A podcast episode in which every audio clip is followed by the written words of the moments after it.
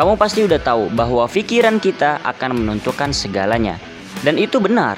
Ternyata pada tahun 1906, William Walker mengeluarkan hukum tarik-menarik atau Law of Attraction. Apa itu? Langsung aja simak podcast ini sampai habis.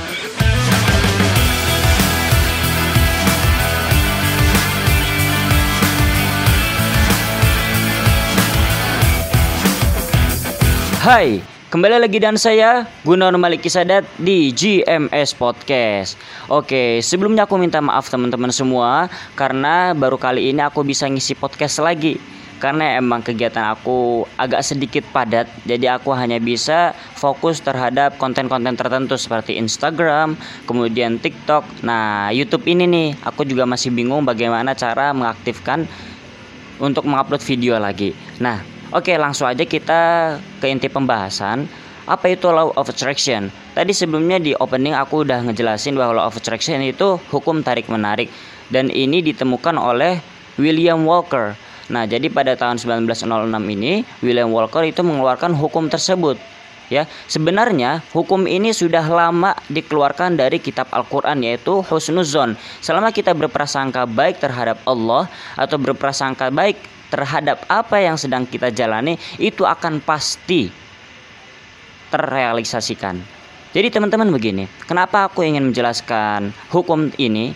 Karena ada kalanya kita merasa ragu terhadap diri kita ketika kita sedang mencoba hal baru atau sedang menjalankan sesuatu yang memang berupa tantangan gitu. Sedikit pun di dalam hati akan tercetus, wah kayaknya gue bakal gagal nih wah kayaknya gue bakal benar sedikit nih dan itu akan terjadi pasti karena kita sudah memikirkan hal tersebut dan kita sudah berprasangka seperti itu. Nah, akhirnya apa yang kita pikirkan, apa yang kita pendam di dalam hati itu benar terjadi. Nah, di situlah aku akan membahas seperti ini. Nah, teman-teman juga sering pasti ketika teman-teman lagi public speaking atau mungkin sebelum naik ke panggung untuk ngomong di depan orang banyak, tapi kamu sudah berprasangka wah gimana ya? Kalau gue di depan nanti lupa teks yang udah gue hafal. Wah gimana ya kalau misalkan di depan orang gue gugup? Wah gimana ya kalau misalkan gue di depan orang gue malah susah nyampein apa yang telah gue hafal? Gitu. Akhirnya ketika kamu sudah berada di depan orang banyak alias di atas panggung kamu buyar kamu lupa teks kamu gugup di depan orang banyak dan itu akan terjadi kalau kamu memang berprasangka buruk.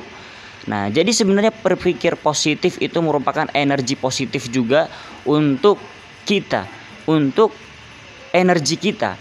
Itu. Jadi kalau misalkan kita diisi dengan pikiran-pikiran negatif, maka yang ada di dalam perlakuan kita, yang ada di dalam aktivitas kita juga pasti akan negatif.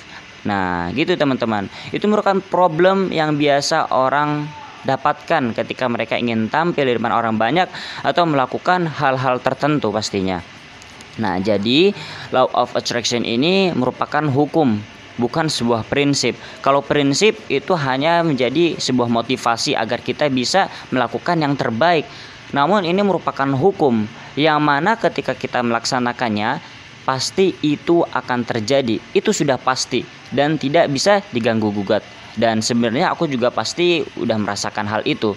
Dan pastinya kamu sebelum mengetahui materi ini pasti kamu sebelumnya sudah mengetahui hukum ini gitu. Kamu sudah melakukannya sendiri tanpa ada materi yang kamu pelajari seperti sekarang ini.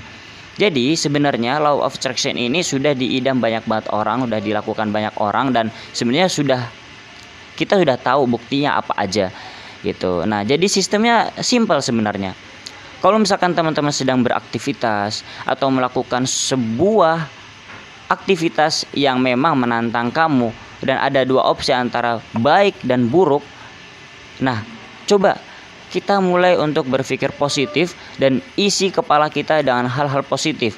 Selama kita menatap hal-hal positif dan fokus terhadap hal-hal yang positif, pasti hal positif itu akan datang ketika kita sudah mengeksekusi hal yang memang kita harus laksanakan.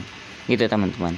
Jadi jangan sampai sedikit pun kita berpikiran negatif. Wah gue biasanya kalau misalkan berpikir positif sorry kalau misalkan kita wah biasanya gue nih kalau misalkan melakukan hal tertentu gue pasti ada yang salah sedikit. Nah dari berpikir seperti itu aja sudah menjadi